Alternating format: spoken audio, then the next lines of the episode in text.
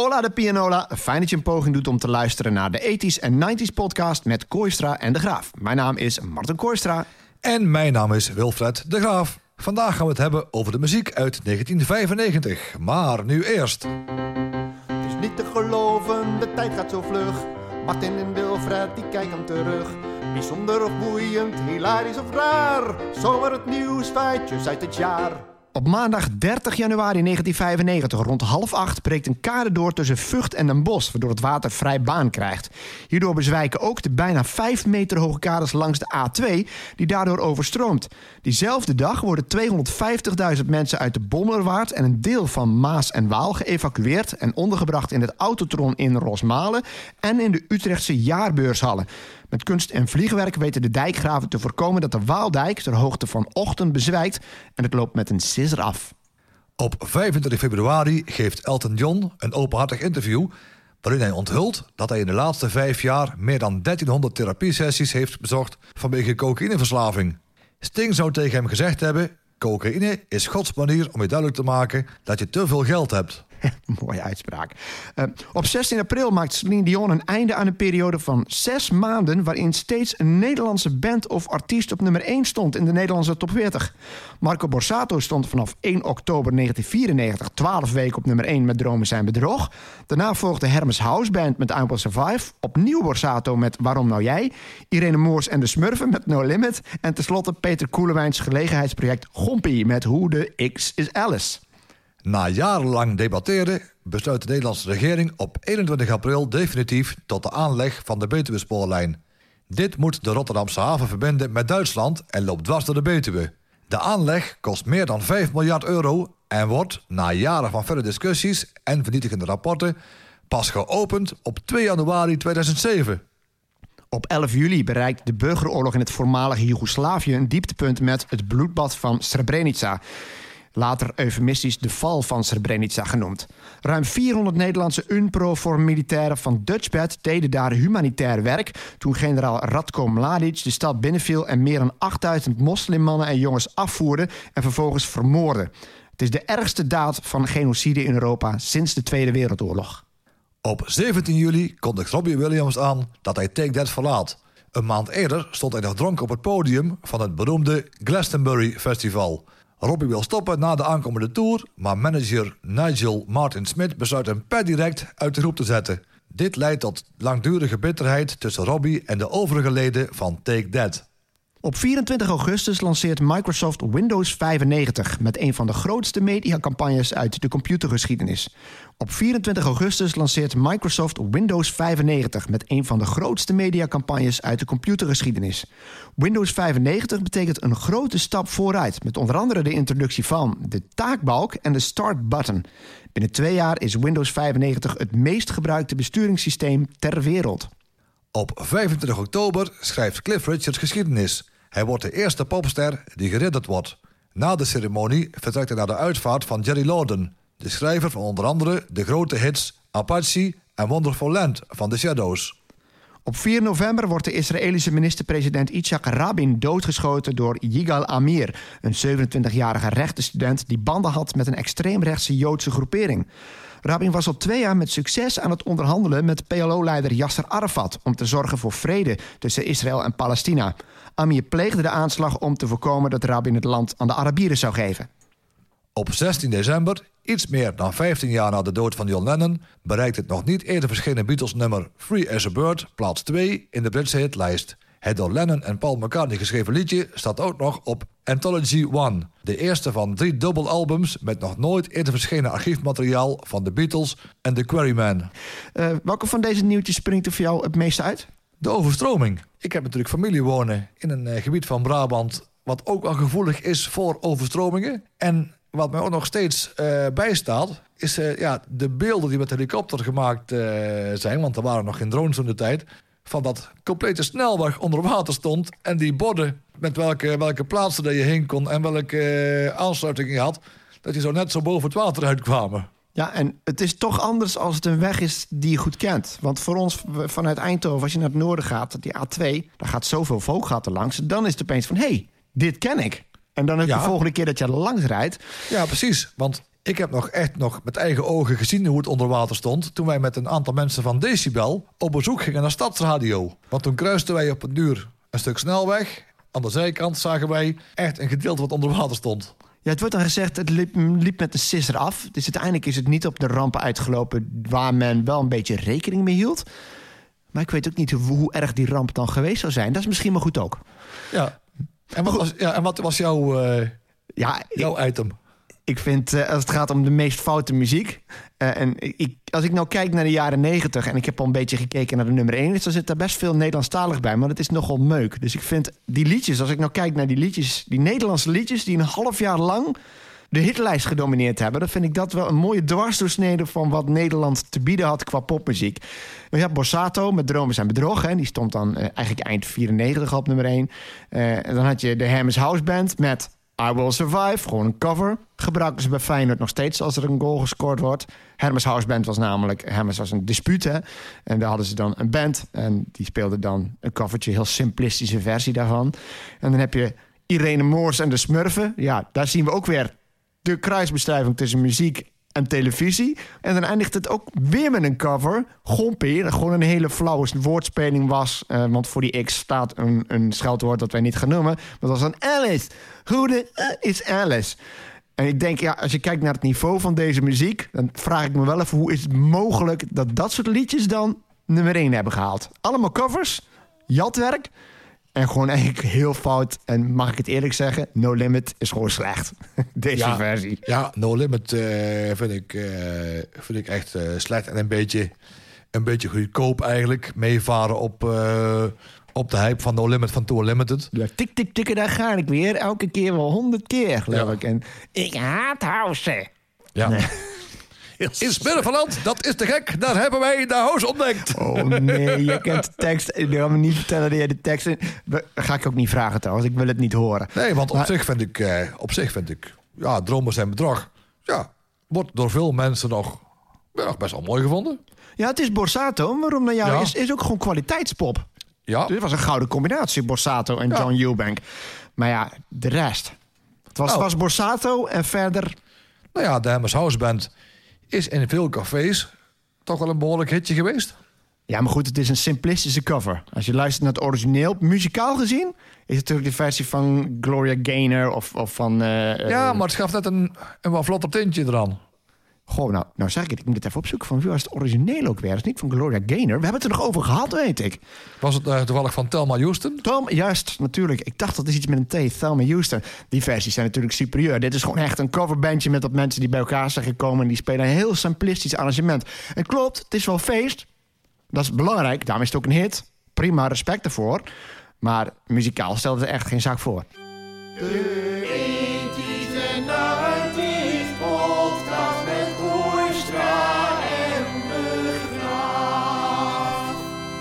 Dan is het nu tijd voor onze muzikale top 10 van 1995. En daarvoor gebruiken we onze muziekbijbel, het Top 40 Hitdossier. Martin en ik hebben elk vijf liedjes gekozen uit de single Top 100 van het jaar 1995... en hebben daar een top 10 van gemaakt. En we beginnen met het liedje dat het minste aantal punten scoorde. Nummer 10.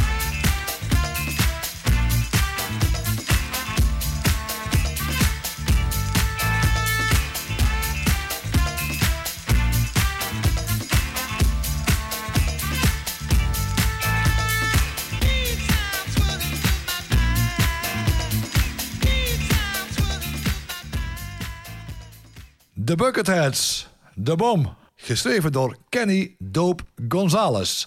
Behaalde 159 punten, stond acht weken genoteerd... en bereikte plaats 12 in de top 40. Ja, was een, eh, een nummertje van een eh, Amerikaans houseproject. En het was ook de, ja, ook de enige, of de eerste single van een, eh, het album... wat All in the Mind heette. Dat kwam eigenlijk uit verveling. Want na een verveelde avond was producer Kenny Dope Gonzalez...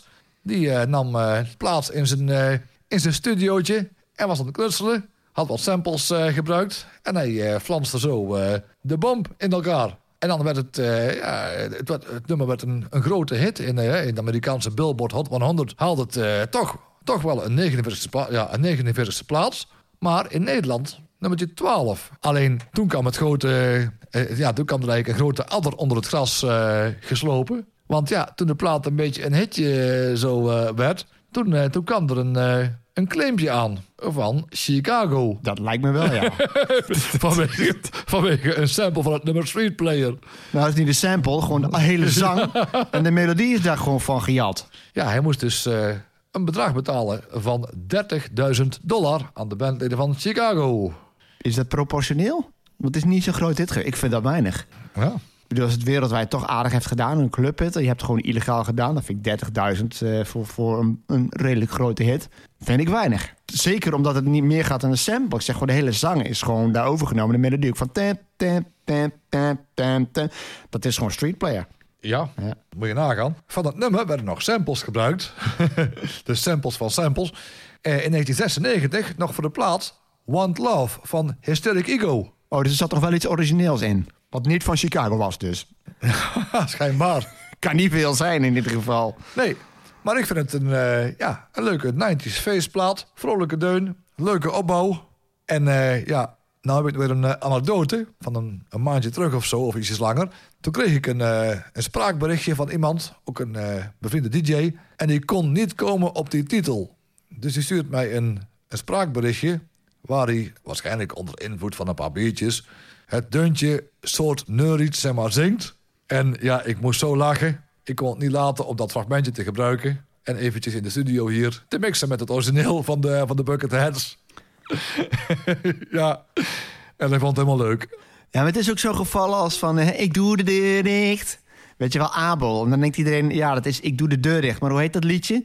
Want de titel Ja. is onderweg, maar dat woord wordt helemaal niet genoemd. En de bump, ja, dat, dat woord komt hier ook niet in voor. Nummer 9.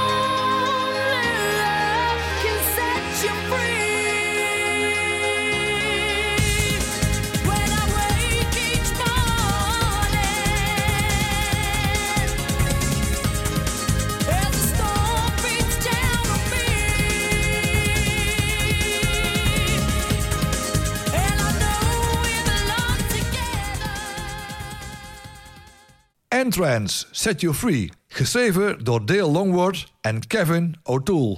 Behaalde 159 punten, stond 7 weken genoteerd en bereikte plaats 8 in de top 40. Ja, we moeten even verduidelijken voor de, voor de muggensifters, on, onder ons... die zich afvragen, 159 punten, dat had de Bucketheads ook, ja. Maar als het aantal punten gelijk is, dan kijken we dus naar de hoogste notering. En dit liedje heeft dus eh, de top 10 bereikt... en daarom staat dus, op basis daarvan staat Entrance dus op 9. Dat Ja. eventjes ter verduidelijking. Ja, precies, want ik was aan het voorlezen. Ik denk, hé, hey, die 159 punten, dat komt toch wel bekend voor eigenlijk. Ja, en waarom is plaats 8 vet gedrukt? Dat was ook om mezelf van wat, wat om te onthouden. Ik denk, er zijn mensen die gaan denken... dit klopt niet helemaal, maar dan hebben het bij deze uitgelegd. Maar het is jouw keuze. En Ja. ik, vind hem, eh, verder- ik ben er wel blij mee, eerlijk gezegd. Ja, het was een, eh, een nummer met eh, vocalen van de Engelse zangeres Kelly Jorena. En het geval was dat ten tijde van de opname... dat Kelly Jorena was toen pas 16 jaar. Oh, Ja, dat verbaast me wel, want het is een hele sterke stem. Ik denk, dat klinkt niet als een meisje van 16. Dit klinkt echt als een, een volleerde vrouw-zangeres. Ja, want de vocalen zijn in een thuisstudio, in een slaapkamerstudio, eh, ja, zijn, die, zijn die opgenomen voor de, voor de demo. En iedereen was, eh, had eh, zoiets van, houden zo, hè, van dit, die zangeres, dat is geweldig, dat houden. Ja, dat wil ik zeggen. Dat is de, voor een groot deel de kracht van het liedje. Ja. Wat wel opvallend is, in, in, dit is een hitje geweest in Nederland. Een redelijke hit. Maar in het Verenigde, Verenigd Koninkrijk haalde het nummer 2. En dat was het de best verkochte danceplaat van 1995. De best verkochte danceplaat van 1995. En het is echt geen typische danceplaat. Het is heel Nee. anders. En ik vind het ook wel gewaagd. Vooral die opening. Ja, en ook, wat je moet zeggen, in 1995 werd er ook ontzettend veel dance uitgebracht. Dus het is niet zo van, ja, er waren maar eh 100 plaatjes eh, waar- waaruit je kon kiezen. Nee, het, was, het waren, het waren pellets vol. De concurrentie was groot. En het aardige is, we hadden het in onze vorige uitzending over Marusha. Dat we ook zeiden, het is niet dat standaard four to the floor, om te zeggen. Ook hier is, zit weer gewoon een breakbeat onder. En het is een euforisch liedje. Ik vind het gave, vind ik. Het begint met een driekwarts, hè, die piano.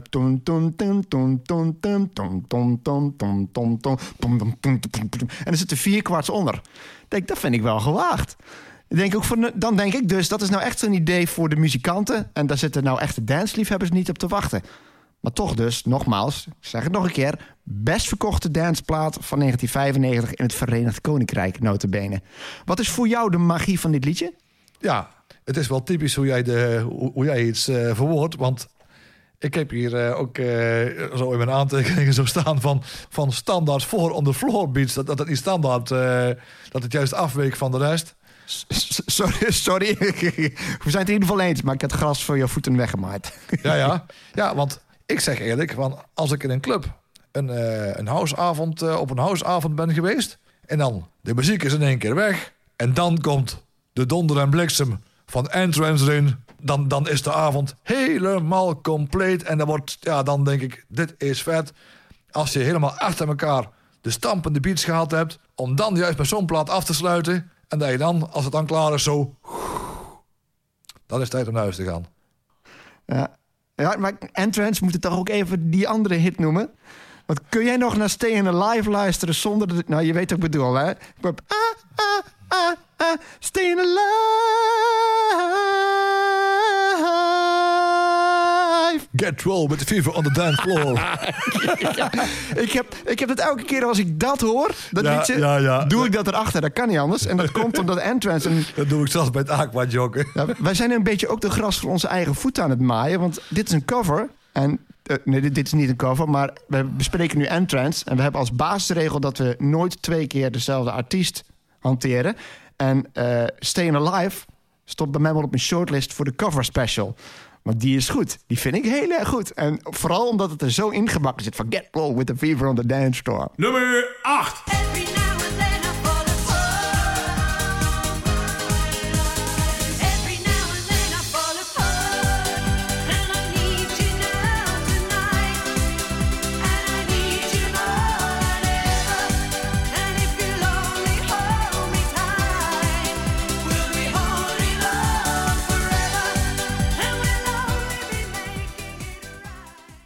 Nicky Friends, Total Eclipse of the Heart. Geschreven door Jim Steinman. Behaalde 181 punten, stond 8 weken genoteerd en behaalde plaats 7 in de top 40. En die kan ik ook afstrepen van mijn voor de cover special. Weg mee.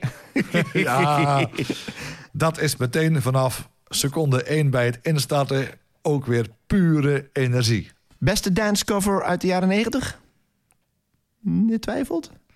Nou ja, Staat het- wel hoog. eh, wel hoog, want ik weet, ik weet natuurlijk niet alle, niet alle dancecovers eh uit mijn hoofd. Nee, maar als ik jou vraag om te zeggen... wat vind jij nou echt een hele vette danceplaat... een dancecover uit de jaren 90... Ja, dan kom ik wel dat deze waarschijnlijk misschien op- wel als eerste, als eerste noemt. Ja, ja.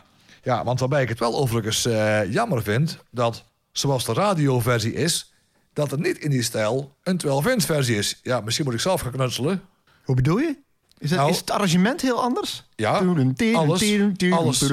Oh, oké. Het lijkt er niet op. Dus het is dus echt een clubversie dan. Heel erg wat Ja. dat eigenlijk alle... Die, Ja, het is heel erg uitgekleed. Een ja, uitgeklede versie. Ja, een veel andere, een veel andere drum. En dan hoor je op een duur... Ja, ja, Ja. dus eigenlijk... Ja, die moeten eigenlijk je clubversies niet proberen na te doen. Nee, nee, maar als we nee. zeggen een uitgeklede versie, dan zitten we aardig in de buurt. Dus. Ja, want het is juist, het is juist de energie en de productie die het, die het ook heel, heel mooi maakt. Want als je het instart op een feestje, dan merk je ook meteen ja, bij, dat er bij, ook bij de dames eh, nogal een geliefd nummer is om lekker mee te blaren.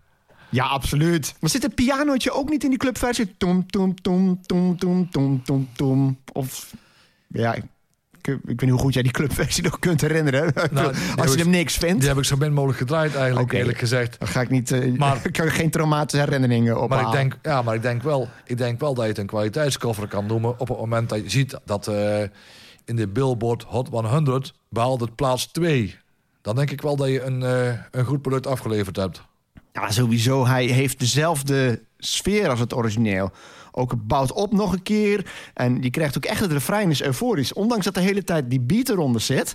En ze niet die, die stemwisselingen heeft zoals Bonnie Tyler. Die begint dan heel, heel klein en lieflijk. En Jim Steinman trouwens ook de man achter de liedjes van Meatloaf. Hè? Paradise by the Dashboard Light en zo. Dus dan weet je dat dat bouwt op en het gaat naar een crescendo. En in een danceplaat een, een radio-edit in ieder geval, kun je dat niet realiseren. Dus je moet het op een andere manier doen. Ja. En toch wanneer het refrein komt, Ja, gaat het toch net eventjes even een tandje hoger ja alles. en het intro komt dan... Ah, ah, oh. Ja, want ik weet nog heel goed dat eh, Stadsradio, de overkoepelende station van Decibel... deze plaat helemaal gek draaide. Ik had ook de indruk dat die eh, bij ons vrij populair was. Een beetje een eh, hot rotation. Dat zou je wel kunnen zeggen, zonder dat we hem Hot Rotation noemen. Maar Misschien is hij dat ook wel geweest. Hot Rotation trouwens is een soort, eh, voor, voor degenen die die term niet kennen... de naam zegt het al een beetje, is net zoiets als een soort alarmschijf. Dat is een liedje dat volgens mij elk uur gedraaid werd ook. Ik weet niet meer precies hoe de regels waren. Nou, toch wel een aantal keren per dag, hoor. Dat zat in ieder geval, die werd vaker gedraaid dan welke andere plaat dan ook. Dat was het basisidee. Ja, en, en bij Nicky Friends, haar tweede single... was een cover van de, van de Carpenters hit For, eh, For All We Know. Die, Ja. die had, die had een, stuk, een stuk minder succes. Ja, Deels door distributieprobleem. Maar ja, het debuutalbum was wel weer een succes. En dat ging bijvoorbeeld in Japan al 50.000 keer over de toonbank. Ja, Secrets, maar ja, dat is op, toch op basis van die ene single. Ik heb eh, wat liedjes van de- dat album gehoord. Ja, For All We Know, eh, kijk, je hebt Bonnie Tyler, Total, Total Eclipse of the Heart en de Carpenters. Ik ben een fan van de Carpenters, vind ik echt hele goede muziek. Maar dat is toch niet te vergelijken met Total Eclipse of the Heart. En het is ook qua arrangement veel complexer. Dus je hoort het en je denkt, dit is, dit is gewoon niet iets waar je een danceversie van moet maken. En de rest van het album, dat is allemaal een beetje niets aan de hand dancemuziek. Aardig gedaan, gelikte productie en Ja. zo. Maar er is maar één liedje dat eruit springt en dat is Total Eclipse of the Heart. Ja, ja, en dan over Nicky Friends eh, zelf nog. Het had ups en, ja, ze had ups en downs. Want in 2000 won ze de eerste editie van A Song for Europe.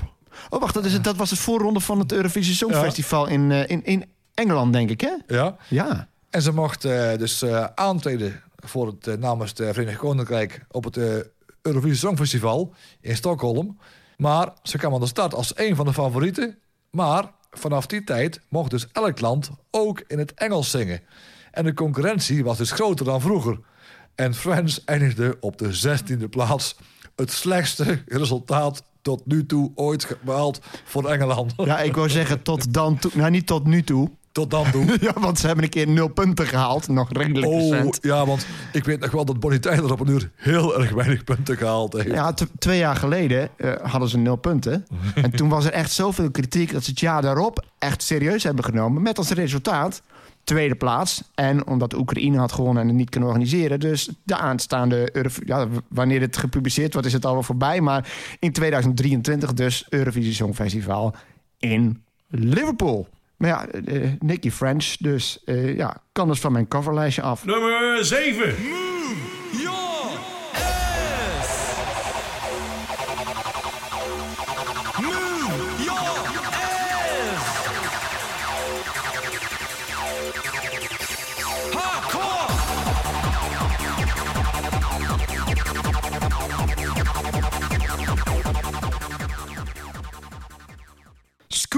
Move Your Ass. Geschreven door Hans-Peter Gerdes, Jens-Peter Tele, Hendrik Stadler en Søren Bühler.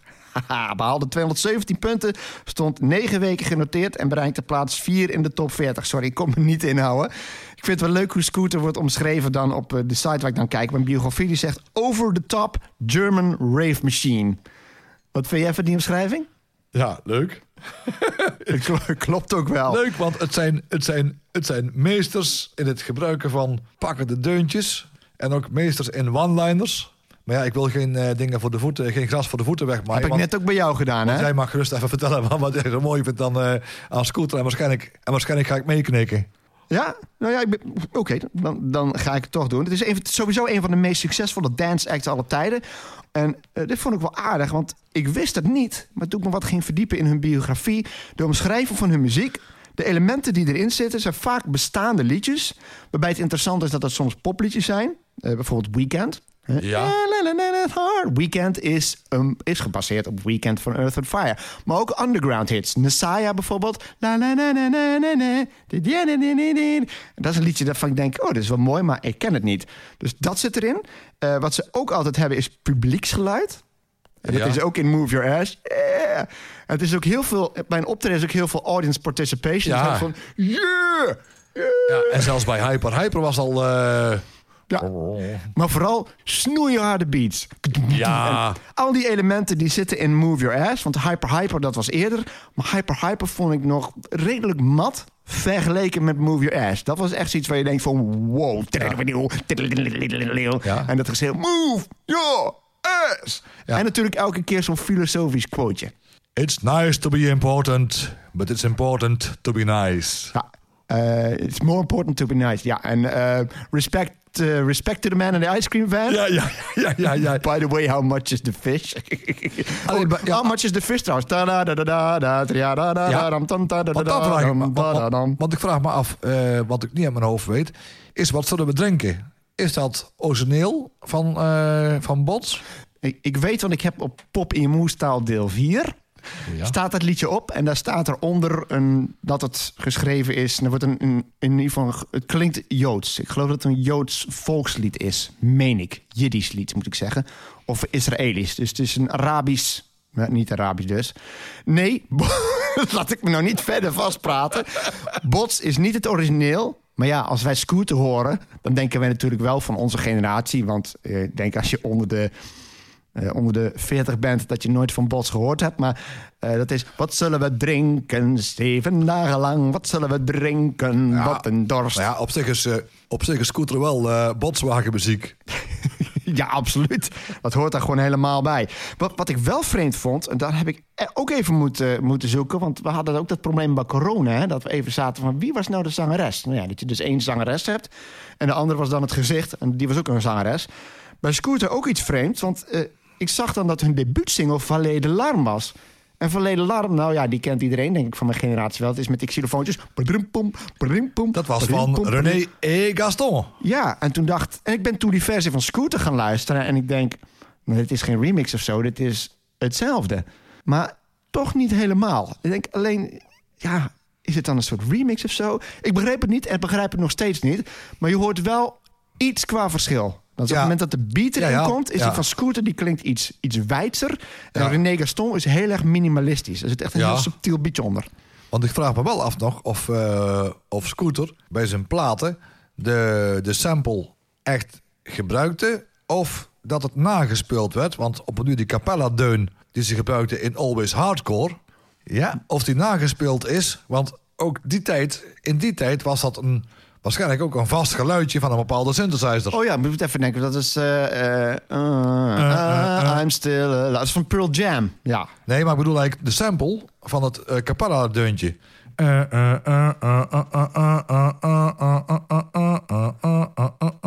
Move. eh. Ja, jij haalt het nou aan en ik, ik kan me niet meer in detail herinneren. Maar dat, dat is, klinkt als capella Ja, ja, klopt. Ja. Maar, of ze dat Eh, dat- nages- maar of ze dat nagespeeld hebben, of dat ze het echt gesampled hebben. Want het geluidje, dat zal ongetwijfeld ook uit zo'n 90 synthesizer komen. Ja, maar goed, als de melodie hetzelfde is, eh, dat, was mij niet. Ja goed, je haalt ook eentje aan die ik dan weer net niet zo goed ken. Maar los daarvan, je ziet gewoon dat Scooter elementen pakt van bestaande liedjes... en daar toch iets unieks van maakt. En vooral als je dan een optreden daarmee hebt... Die, dat is echt wel ene, die kan die studio... of die kan zo'n stadion kan je helemaal aan de gang krijgen... en dan, je, dan raast dat publiek laat, ja, eh, raast dan mee. En ze bestaan nog steeds. Is, denk je ook bij Scooter eerst aan Move Your Ass... en dan aan de andere? Ik denk bij Scooter het meest aan Always Hardcore. Maar dat komt eigenlijk omdat in die tijd heb ik eh, gedraaid bij de Lichtstadnarren in Eindhoven met de carnaval. En als je dan zo'n volle, zo'n volle zaal van meer dan 500 kinderen zo uit zijn dak ziet gaan... Ja, daar heb ik nog een beetje herinneringen bij. En daarom was, move, eh, wa- was eh, Always Hardcore was dat wel eh, het plaatje. Nummer 6. One, uh, two, uh, one, two, three, uh. I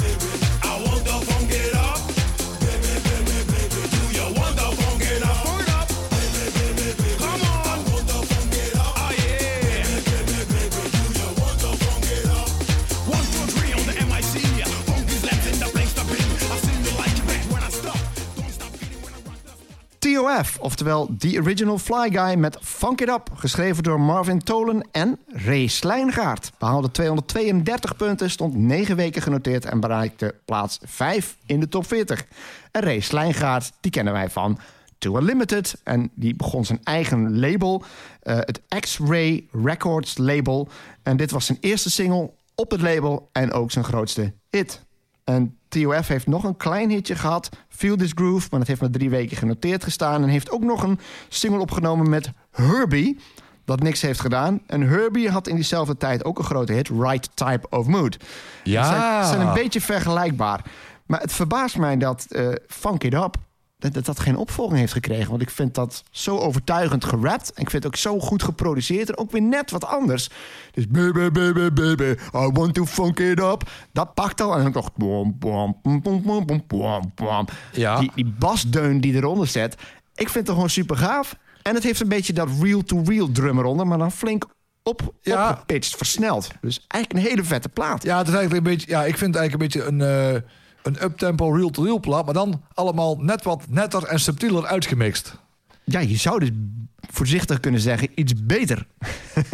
Ze hebben eigenlijk het kunstje afgekeken en denken waar kunnen we op verbeteren. Ja, nou, zo hoort het ook. Beter goed gejat, zou je dan zeggen. Ja, want, Dan eh, slecht, ge- dan slecht eh, bedacht. ja, maar dat label was dan een label van, eh van Ray Slijngaard eh, zelf. Dat was zijn eigen label, ja. Daar zijn ze volgens mij wel actief, eh, de familie Slijngaard. Want ik weet nog in de jaren negentig, toen met, met, eh, met Decibel, met een tour op eh, de Meijse Met. Toen hebben we optreden gehad van eh Savoy Records. En dat was een andere Slijngaard, ook weer een broer van. Die had ook zijn eigen platenlabel in de, in de Eurodance.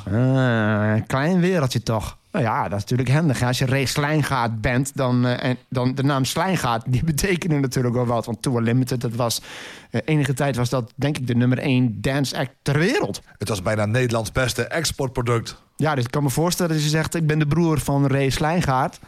Dan staan platen, eh, staan waarschijnlijk daar muziekacts wel voor open.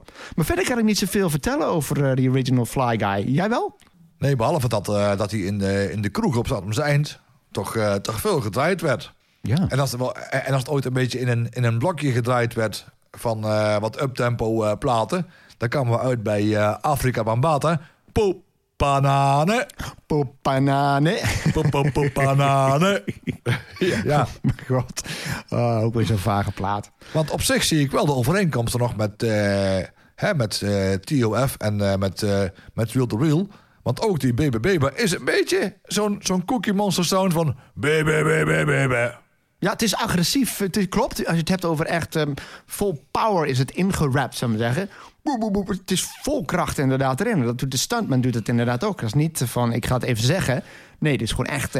ik sta hier voor je en het is net alsof je in een discotheek staat... en eh, ik probeer me verstaanbaar te maken. Ja. Op die manier. Klopt, ja. Ja, en voor de DJ's is dan een kunst om dan eh, goed uit te timen. Dat je dan precies het, eh, plaat, eh, het, eh, het fragment in de, in de plaat. waarop je dan wil dat hij meteen weer daarna komt. om dan precies uit te mixen of uit te, uit te rekenen in, in je mix. Dat je dan in gaat mixen. en dat op een uur uitkomt van one, two, one, two, three, four. En dan hup, en dan knal je een dikke plaat erin. Nou, jij noemt nog iets. Ik, denk, ik, ik dacht, ik vergeet nog één element dat ik heel sterk vind. En dat is dat. dat die break die er ook weer in zit. Even van, ook zo'n moment dat iedereen meedoet, weet je wel. Dat je de one, eh, two, eh, en dan de microfoon dicht. One, two, three. En dan pam, pam, pam, pam, pam. Vergeten plaatje. Is er nog wel een... eh, ja, je zei al, 90s is toch ook een beetje typisch decibel. Die draait er wat obscure platen. Is dat de enige zender die dit nog wel eens zou draaien? Want het is een vergeten artiest, lijkt mij. Je zou niet, het zou niet vaak het eerst genoemde zijn als mensen vragen naar echt een, eh, een 90s eh, plaat. Maar Nee. ja, op, thema, hè, op themakanalen op, eh, op Spotify of bij Decibel. Het zou misschien zelfs kunnen dat hij misschien nog bij 90s at 9 op Radio 538 een keer voorbij zou komen. Omdat ze de andere platen al zoveel hebben gehad dat het gaat lijken dat ze een beetje uitgemolken zijn. Maar ze gaan zeker geen luisteraar verliezen als ze die plaat gaan draaien. Nummer 5.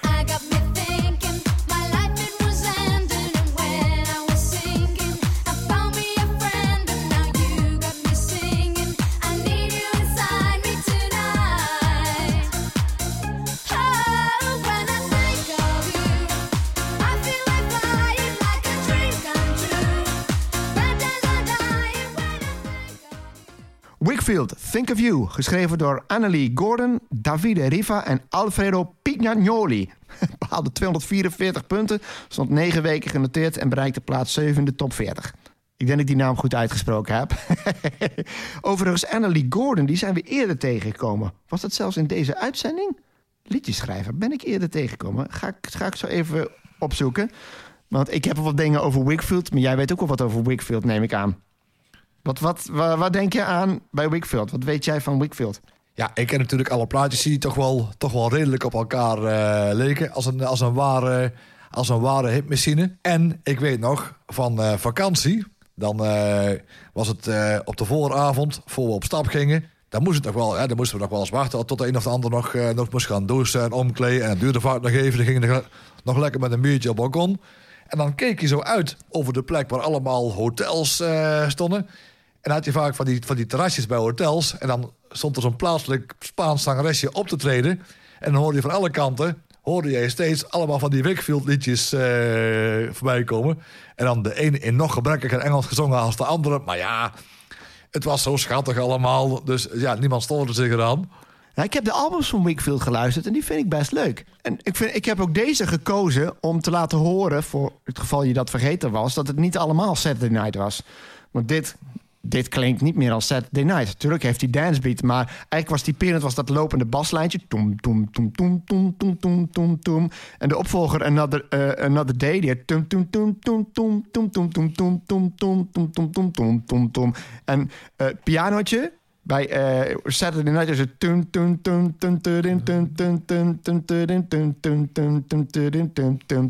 En bij Another Day is...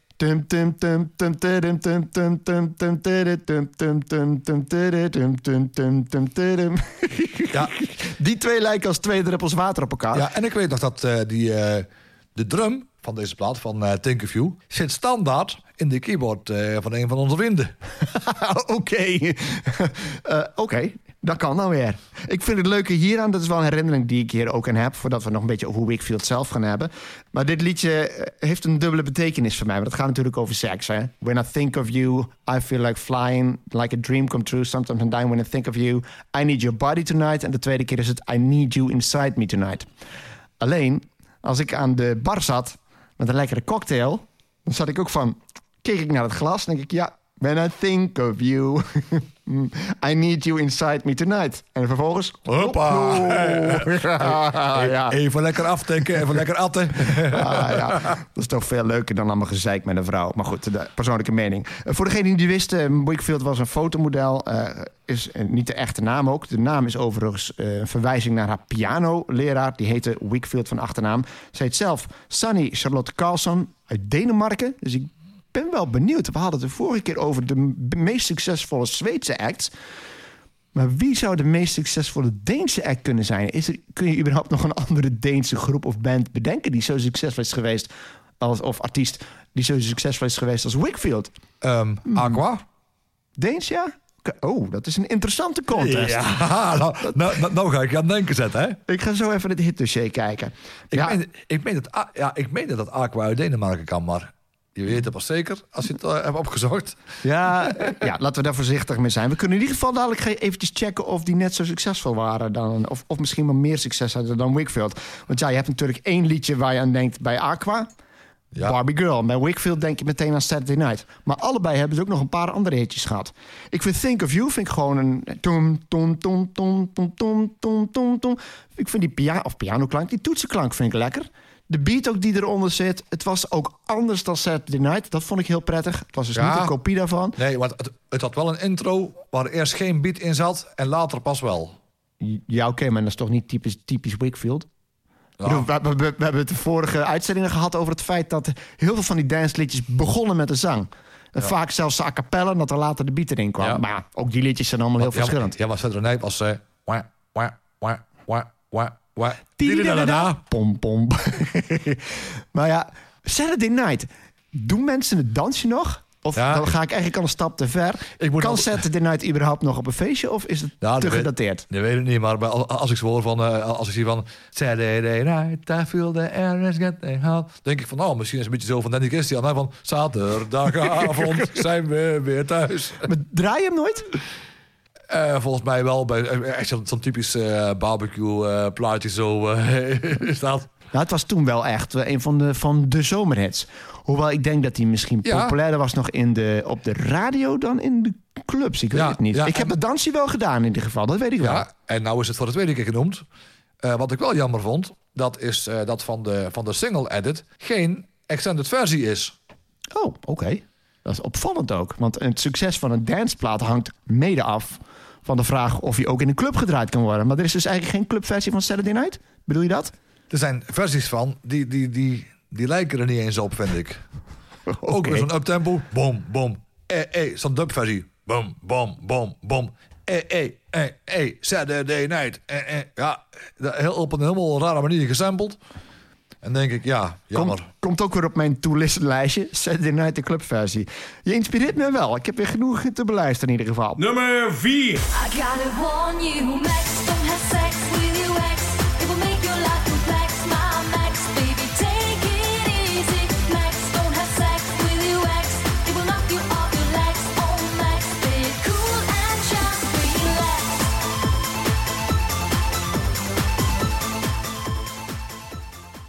Erotic. Max Don't Have Sex. En dan denk ik er meteen achteraan With Your Ex.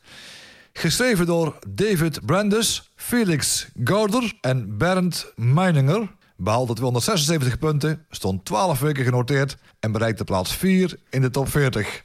Ja, de categorie Fun House. Ja, en deze kan ook weer van het lijstje foute hits uit de jaren 90 af. Foute acts uit de jaren 90. Ja, Dit is toch wel heel fout, of Ja, niet? ja, precies. Nou, ik ga een lijstje opnoemen. Dan eh, moet jij proberen om niet te lachen. Max, don't have sex with your ex. Fred, come to bed. Because my Max had sex with Ja. the sexy ex. Nou, seks op de phone, dat gaat nog wel. Maar nou komt hij. Willy, use a Billy. Boy. Help me, Dr. Dick. Yep. Fritz, love my tits. Ja, ja ik, heb, ik heb ze gevonden. Oh, oh, Nick, please not so quick. ja. ja, dit, dit zijn van die platen. Zo. Ja, die worden dan niet in, eh, in echte danceclubs eh, gedraaid, maar meer, meer in, eh, in feestcafés. Ja, uptempo deuntjes ja, of uptempo eurodance. Aanstekelijke deuntjes. Energieke eh, uitstraling. En ook een beetje om het publiek wat, eh, wat te triggeren. En tegenwoordig met de huidige techniek is het grappig dat je dan een loop kan maken van, eh, van vier maten. Dat je dus echt op een deur, als je die plaat gaat draaien, dat je echt zo krijgt van... "Do I gotta warn you, I gotta warn you, I gotta warn you, Max. Het is wel euforisch, hè? Ik wil trouwens nog wel even een paar namen... want jij hebt nou een hele hoop lij- namen genoemd... Van de, of een hele hoop titels genoemd. Die ken ik ook nog wel een paar. Eh, ten eerste, eh, de oorspronkelijke line-up... eh, Liane Lee en Razzmatazz... eh, die kregen in eh, 1996, dat was heel snel dus eigenlijk... kregen de ruzie met de producer... en die zijn toen doorgegaan als Sex Appeal... met als debuutsingle... Sex is a thrill with the pill. En eh, de albums van eh, Erotic, die, de vervolgalbums heten Sex Affairs, Sexual Madness met de hits Sexual Madness en Turn Me On, Mambo Number Sex, Power of Sex, Sexual Healing en Sexy Generation. En hoe heet de compilatie? Geen greatest hits, maar greatest Tits. hits. Ja, ja, ja, ja, in, ja, in Nederland zou je misschien zeggen van... Als ik zo'n album zou hebben in Nederland, zou ik het er gewoon als titel geven... Seks verkoopt. Ja, nou ja, in dit geval dat eerste album wel, maar het was een novelty Ja. act. Maar verder hebben ze gewoon ook niks, eh, ook niks gedaan. Maar het is wel weer gewoon gelikt geproduceerd. En dan dat typische...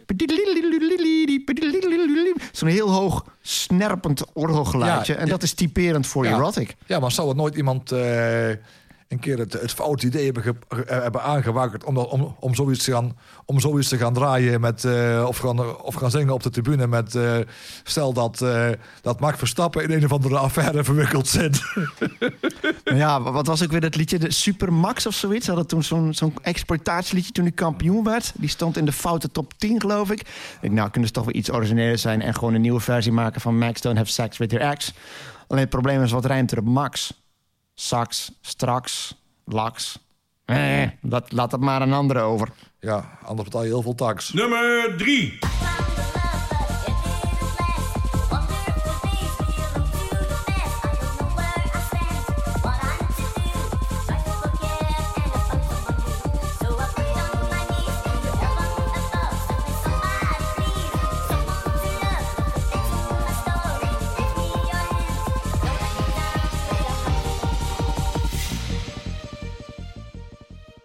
Charlie Lonois en Mental Theo, Wonderful Days. Geschreven door Ramon Roelofs en Theo Nabuurs. Behaalde 416 punten, stond 13 weken genoteerd en bereikte plaats 2 in de top 40. Ja, en heb- weten we ook gelijk hoe Charlie Lonois en Mental Theo in het echt heten. Ramon Roelofs en Theo Nabuurs. Ja, precies. Ik denk dat ik daarom ook eh, gewoon die plaats gekozen heb. Want als ik hoor hoe je dan met die eh S- Spipagnoli en dergelijke moet uitspreken...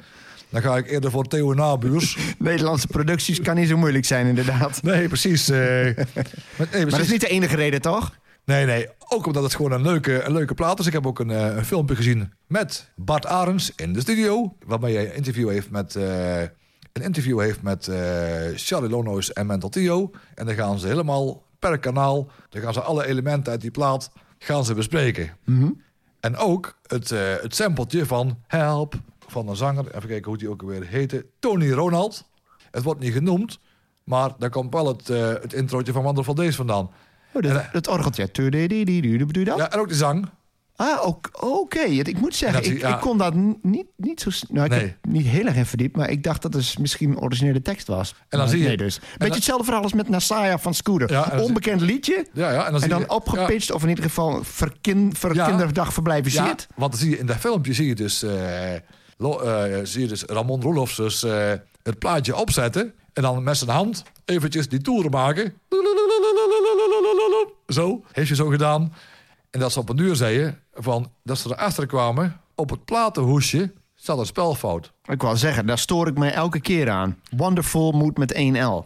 Maar ja, ze zeiden nou, laat maar zo. Daar wordt er over geluld. Dan blijven mensen, dan blijven mensen altijd zeggen van... ja, dat is die plaat met die spelfout... eh, Zolang er over je gepraat wordt, is het goed. Ja.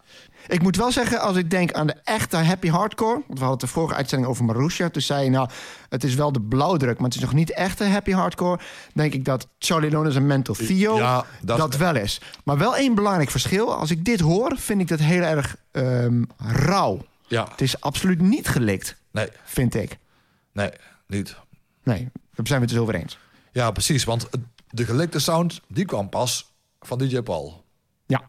Maar eh, ik heb een keer eh, kennis mogen maken met, eh, met meneer Mental Tio. Namelijk in Eindhoven. Want ik ging eigenlijk naar de muziekzaak voor een, een nieuwe koptelefoon. Die heb ik ook gekocht. Maar de medewerker, Joost Konijn, zei tegen mij van... Nou, als je misschien nog de tijd hebt, het is niet volgeboekt... dan kun je, kun je misschien als je wilt even mee gaan doen en meekijken.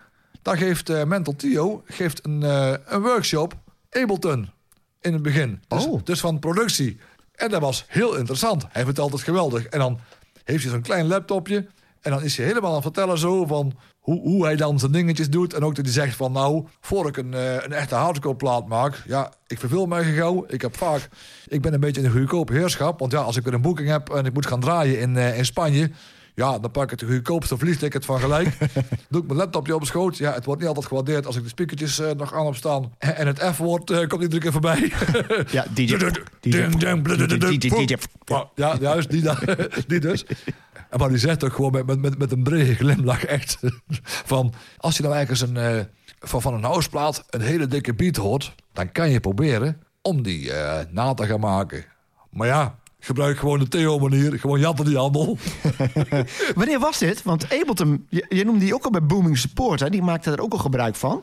Dus het bestaat al heel lang. Wanneer was die workshop? Was dat in de tijd van Nou, de hoogtijdagen? Of was dat nou, later? ik heb, nou, ik heb bij, Boom, ik heb bij Booming Support geen Ableton eh, genoemd. Misschien was dat nog Cubase of iets dergelijks. Cube, oh ja, natuurlijk. Maar Wonderful Days, om daar even op terug te komen. eh, dat lijkt me eentje die standaard in jouw... eh, als er Happy Hardcore gevraagd wordt. eh, DJ Paul, Mental Theo, Ja, Charlie Lones en Mental Theo. ja. Welke past er nog in het rijtje thuis trouwens? Ik noem er nou, Nou, twee, maar je draait nou, meestal drie in een blokje, toch? Ja, wat, wat, ja, ja, wat enorm gewaardeerd wordt, is ook eh June. June. Hardcore vibes gok ik dan? Ja, maar wat ik zelf ook, maar wat ik zelf een geweldige plaat overigens vind van, van June, Million Miles From Home. Ja, die vind ik ook heel vet. Zeker, dat is mijn favoriet van hun. Ik denk alleen niet dat hij zo aanslaat Nee. op een feest. Dat, dat je dan toch wel hardcore vibes moet hebben. En wat dacht je van Flying High bijvoorbeeld? Van Captain Hollywood Project? We're flying high. Ja, het is, het is wat blijer, maar het wordt er wel vaak in gedaan. Dat heb ik wel eens eh, gezien bij, eh, bij zo'n blokje van Daniel Smulders bij, eh, bij een 90s feest. Ja. En dan denk ik Wonderful Days als opener wel van zo'n blokje. Omdat dat met Ja, een orgeltje meteen, bekend. ja. Dan gaan de mensen meteen de dansvloer op. En dan als die beat erin komt, zijn ze los. Nummer 2. I'm a.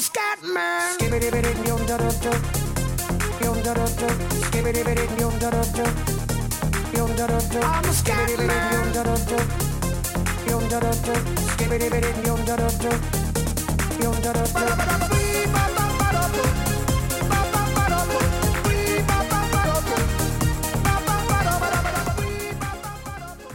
Scatman John. Scatman Skibabob Padap Dap. Dat is de volledige titel. Geschreven door Antonio Nuncio Cantagna en John Larkin. Behaalde 431 punten. Stond 14 weken genoteerd en bereikte plaats 2 in de top 40. Ja, een plaat met een verhaal. En een mooi verhaal eigenlijk wel. Want Scatman John, eh, geboren in 1941, dus hij was hier al ruim de 50 gepasseerd. Kampte met stotterproblemen. Had dan ook moeite om zich uit te drukken. Maar eh, toen hij 12 was, raakte hij geïnteresseerd in scat. Dat is dus, nou ja, heeft geen zin om het voor te doen. Maar de bekendste scat-artiesten van die tijd zijn Ella Fitzgerald en Louis Armstrong met name. Eh Al Jarreau, als het toch over popartiesten hebt. Al Jarreau in Roof Garden, maar ook in eh, Boogie Down doet het ook. Dus dat zijn zijn belangrijke inspiraties geweest. En hij heeft mede daardoor interesse gekregen in jazz. Is jazzpianist geworden. En dat werd voor hem eigenlijk zijn uitlaatklep. Toen is hij op den duur ook gaan zingen. Vanaf 1990 is hij jazzstandards gaan zingen. En dat was een enorm succes. En toen was daar dus, wat wel vaker gebeurt... opeens een, ehm, een producer, Manfred Zaringer... eh, met inspiratie die dacht... Hij had een Deense producer trouwens, dus Denemarken. Daar zijn ze weer, Iceberg Records. En die bedacht, weet je wat, dat kunnen we wel combineren met een danceplaat. En zelf had hij eerst iets van... "Nou, ik weet het niet. En toen kwam die hit en Scatman ja, is een enorme knaller geworden. Vooral in Japan, waar er zelfs Scatman John poppetjes zijn gemaakt... blikjes, een hele hoop merchandise eromheen... en waar ze ook reclames zijn gemaakt van een cosmetica-merk. Die moet je maar eens opzoeken, dat zijn echt hele ge- geinige reclames. Eh, dus Scatman John Commercial Japan. Mooi verhaal, toch? Ja, de plaat van eh, die is zelfs nog gebruikt in een setje van, eh, van Chesto. Toen hij in, eh, in een vol stadion eh, stond. Of in, op een dancefeest waar, waar hij helemaal het middelpunt was. Het heeft meestal wel één out of the blue plaatje erin. Hè? Even Ja. van, hey, hier gebeurt iets vreemds. Ja, nou ja, toevallig ben ik, onverwachts. nou ja, toevallig ben ik, dat, ben ik daar achter gekomen. Niet omdat ik heel die set geluisterd heb, maar ik keek een keer op YouTube naar, de, naar, naar DJ Fails. En dan was het precies dat bij, eh, bij die overgang met Scatman...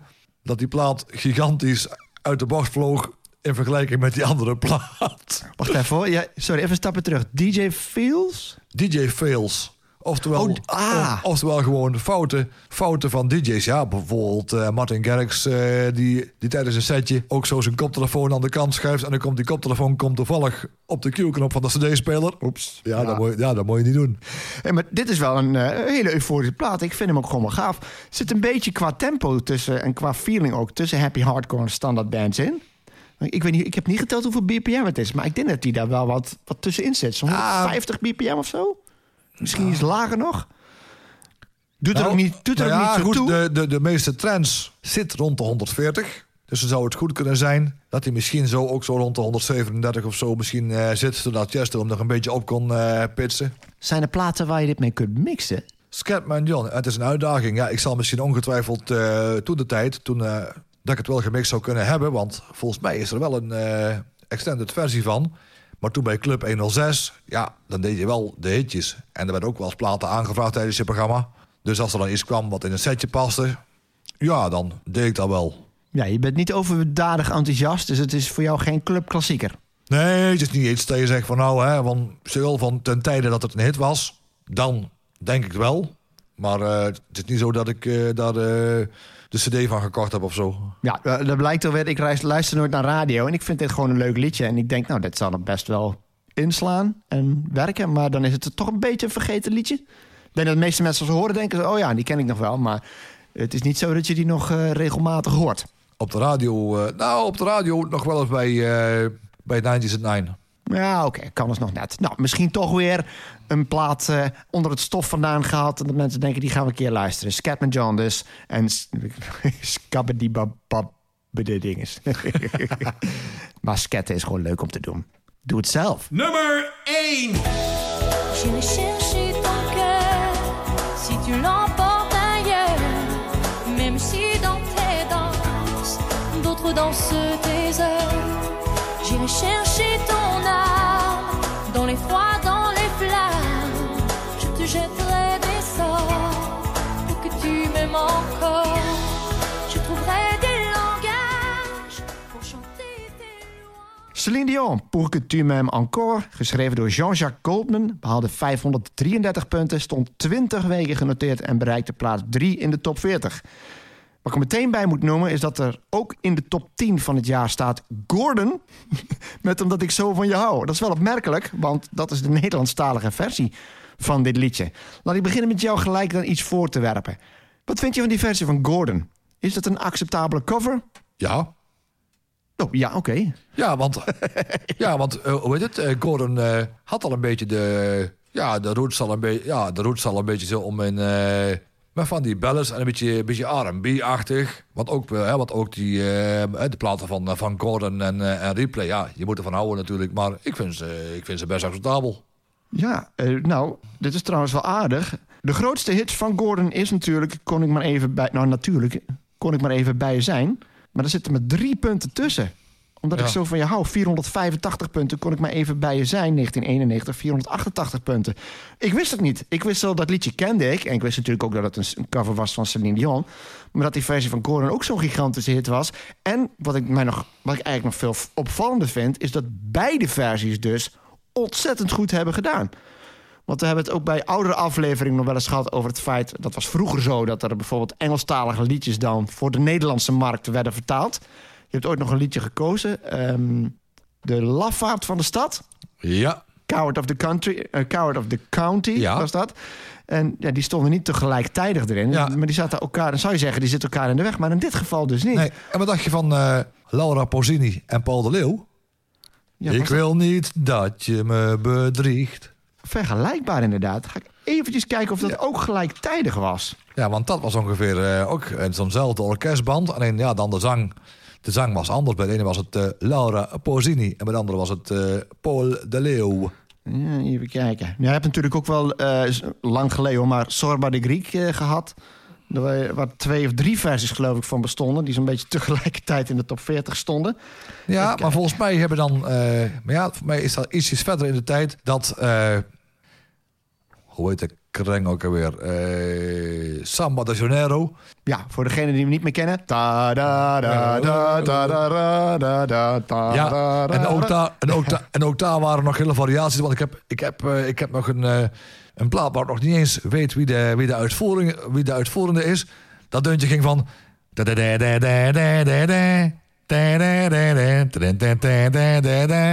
Variant erop. Ik heb even gekeken. Nou, ik ga zo ook even nog naar Berlin El Ritmo kijken. de Brazil. Ja, Oké. Paul de Leeuw, ehm, dat was een maand later. Kijk, La Solitude die kwam de top, in de top 40 op 27, 17 januari 1993. En Paul de Leeuw, ik wil niet dat je liegt, een maand later, 11 december. Dan ga ik ook Oh. gelijk naar Bellini. Ja, Ja. allebei dus grote hits. Tegelijkertijd is overlappend in ieder geval. En eh, nu we nog terug. Ja, nu gaan we terug in de Nog tijd. meer? Ja, nu gaan we terug in de Niet tijd. snel, hè? Maar, wat dacht je bijvoorbeeld van, van de platen van, eh van Corrie Konings? Bijvoorbeeld met, ook met Adios Amor en van... eh, wat, dat was toch platen van Andy Borg of iets dergelijks? Ook zo'n Duitse artiest die eh, ook tegelijkertijd toch eh, met... eh, hè, met Adios Amor toch eh zong. dan. Adios, adios Amor. Ga ik zo ook even opzoeken, maar je moet me eventjes helpen hoor. Want je noemde Carillo. Ja. Ik zit niet bij de C te kijken. En daar staat hij niet. Hoe, hoe, hoe, hoe spel ik dat? Wacht, ik kan achterin kijken. Ja, dat is... eh, ja. heeft, niks uiteindelijk met te maken met... heeft weinig te maken met... met, eh, met, met, met Celine Dion. Celine Dion. Maar we, we hebben het wel over eh, liedjes die tegelijkertijd... in twee verschillende versies... eh, tegelijkertijd hits waren. Oh, C-A-R. Het is Carillo. Ja. Ah, dan staat hij daar, want ik heb Bellini. eh Carapiccio, ook leuk trouwens. Eh, Oké, Carillo heb ik hier voor me. 19, juli, 5 juli 1997. Ja. Plaats 14. 5 juli 97. En Bellini, eh, ook bekend als Paffendorf. Dat is opvallend. 28 juni 1997. Dus die was toch een paar weken later. Eh, e- nee, eerder. Een week eerder zelfs. Juist. En dan had je het over Andy Borg. Ja, ik weet niet of die het op 40 heeft gehaald hoor. Was dat tegelijkertijd? dat weet ik niet. nee, ik weet, want voor hetzelfde, want voor hetzelfde zit er nog een paar jaar tussen of zo. Of iets. eh, Andy Eh. Borg. Nou, dat is oktober 82. En volgens mij, Nou, Corrie nou, Konings nou. was ook 82. want die heb ik nog gekozen. Corrie Konings, Adios Amor, 1982. September 82. Dus ook elke keer hebben ze gemeen, er zit een maand tussen. Nou, nou we toch bezig zijn, om even terug te komen op Celine Dion... ga ik ook eens kijken wat het verschil was in, uit, eh, in verschijningsdatum. Tu m'aimes encore, 9 september. Nou, dan zou dus Gordon waarschijnlijk in oktober geweest moeten zijn. Dat lijkt mij trouwens sterk, want als hij dan pas is uitgekomen... dan kan hij nooit zo hoog staan in de single top 100, zou je denken, van 1995. Gordon, we hebben het helemaal niet over het liedje gehad, maar goed. Huh? 2 september.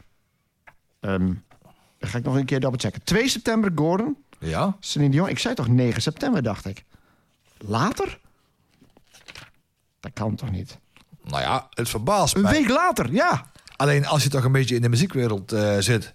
telt misschien ook nog eh, mee als hij misschien in de tipperader gestaan heeft... en dan Gordon eh, heeft daar opgepikt of zo, zoveel, eh, zoveel weken eerder. Ja, aan de andere kant, ja, het zou kunnen. Eh, ik, ik zou alleen, denk ik, als ik eh, de platenmaatschappij van Celine Dion was... zou ik dat niet prettig vinden. Dat eh, dan de cover eerder wordt uitgebracht dan hun. En een ander is natuurlijk wel een trend... is dat liedjes die hele grote hits worden... Die, hebben, blijven mee- die hebben niet een voorgeschiedenis van heel lang in de tipperaden staan. Dat is bij hoge uitzondering. Dat zijn Ja. vaak liedjes die meteen op één of op twee binnenkomen, de tipperaden. Ja. En daarom ook een hit worden. Of ze worden ergens opgepikt door, door iemand of iets... waar heel veel mensen naar kijken. Ja, dat zal het zijn. Maar laten we even over het liedje hebben en over Celine Dion. Dit is razend interessant, maar we zijn wel wat afgeweken. Nou, een klein beetje maar. Dan komen we gewoon via, via Celine Dion... komen we gewoon bij Corrie Konings en Samba de Janeiro. Nou, Nou, nou, van Celine Dion kun je heel veel liedjes noemen. Ik heb een probleem met Celine Dion. Die hoort in een traditie waar ik niet zo'n fan van ben. Eh, het enige is dat Celine Dion daar wel eens een uitzondering op kan zijn. Dat zijn de diva's. Dat zijn van die zangeressen die kunnen technisch heel goed zingen. En als ze dan een liedje zingen, dan zijn ze ook vooral bezig om te laten horen hoe goed ze kunnen zingen. En ik mis dan eigenlijk de echte inleving in de tekst. En dat vind ik bij Celine Dion vaak ook. Ja, ze heeft, eh, ook een aantal van die liedjes gedaan. The Power of Love. Nou, geef mij die versie van Jennifer Rush maar. Want die van Celine Dion is technisch goed, maar het heeft geen ziel. En nu en dan is er een uitzondering. Maar Heart Will Go On vind ik ook een beetje gemaakt trouwens. Denk, daar is Ja. precies uitgedacht van de nu ga ik dit en dat doen. Ja, van van Celine Dion vind ik, eh, eigenlijk, vind ik eigenlijk de beste plaat. En die ik ook op een keer op een, eh, op, op, een bruiloft heb gedraaid van, eh, van Robert Jan. Dat was eh, I'm Alive. Ja, maar ik wou net zeggen dat dat voor mij dus Poketuur Mancore is. Aan mijn live kan ik me wel vaag herinneren. Poketuur Mancore heeft ook een beetje, heeft ook een opbouw. Ja. Het begint heel klein. En dan komt die beat erin. Het is eigenlijk een ballad en een dansplaat in één. Je kunt erop dansen, maar het heeft ook dat gevoelige. En de zang bouwt het ook mooi op. Ik vind de melodie ook prachtig. Het is een hele goede productie. Het is tenminste niet zo'n liedjes waarin ze alleen maar bezig is om hoge noten te halen en echt krachtige noten te zingen. Dit is gewoon een liedje waar zang en muziek goed samengaan. Maar ben je het wel met me eens dat que tu m'aimes encore tot de beste liedjes van Celine Dion behoort? Of heb jij daar minder mee? Nou, ik heb over het algemeen niet zo heel erg veel met, eh, met van die langzame liedjes. Eerlijk gezegd. Ja, dit is toen soul to soul tempo. Met toen.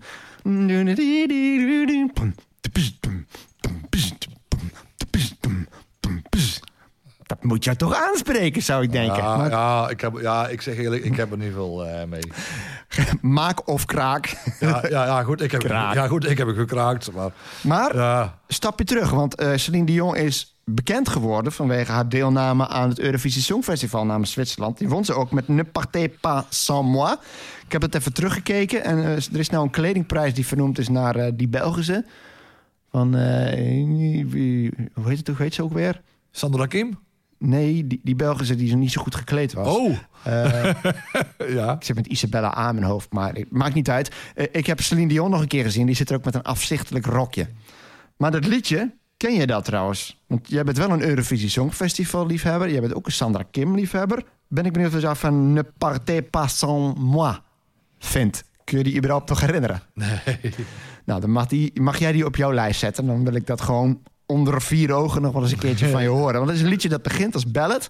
En ineens komt er zo'n beat in. Ik ga wel alvast voorzeggen dat ik het niks vind. Ik vind het er wel een geval van, en dat zegt wel iets over Celine Dion... een slecht liedje dat goed wordt door de zangeres. Dat is natuurlijk wel met Celine Dion. Die kan zelfs van de meest, meest notoire meuk... kan die met haar stem toch iets maken dat verkoopt. Want ze is wel, ze heeft gewoon alles wat, je, wat een zangeres moet hebben... om er iets moois van te maken.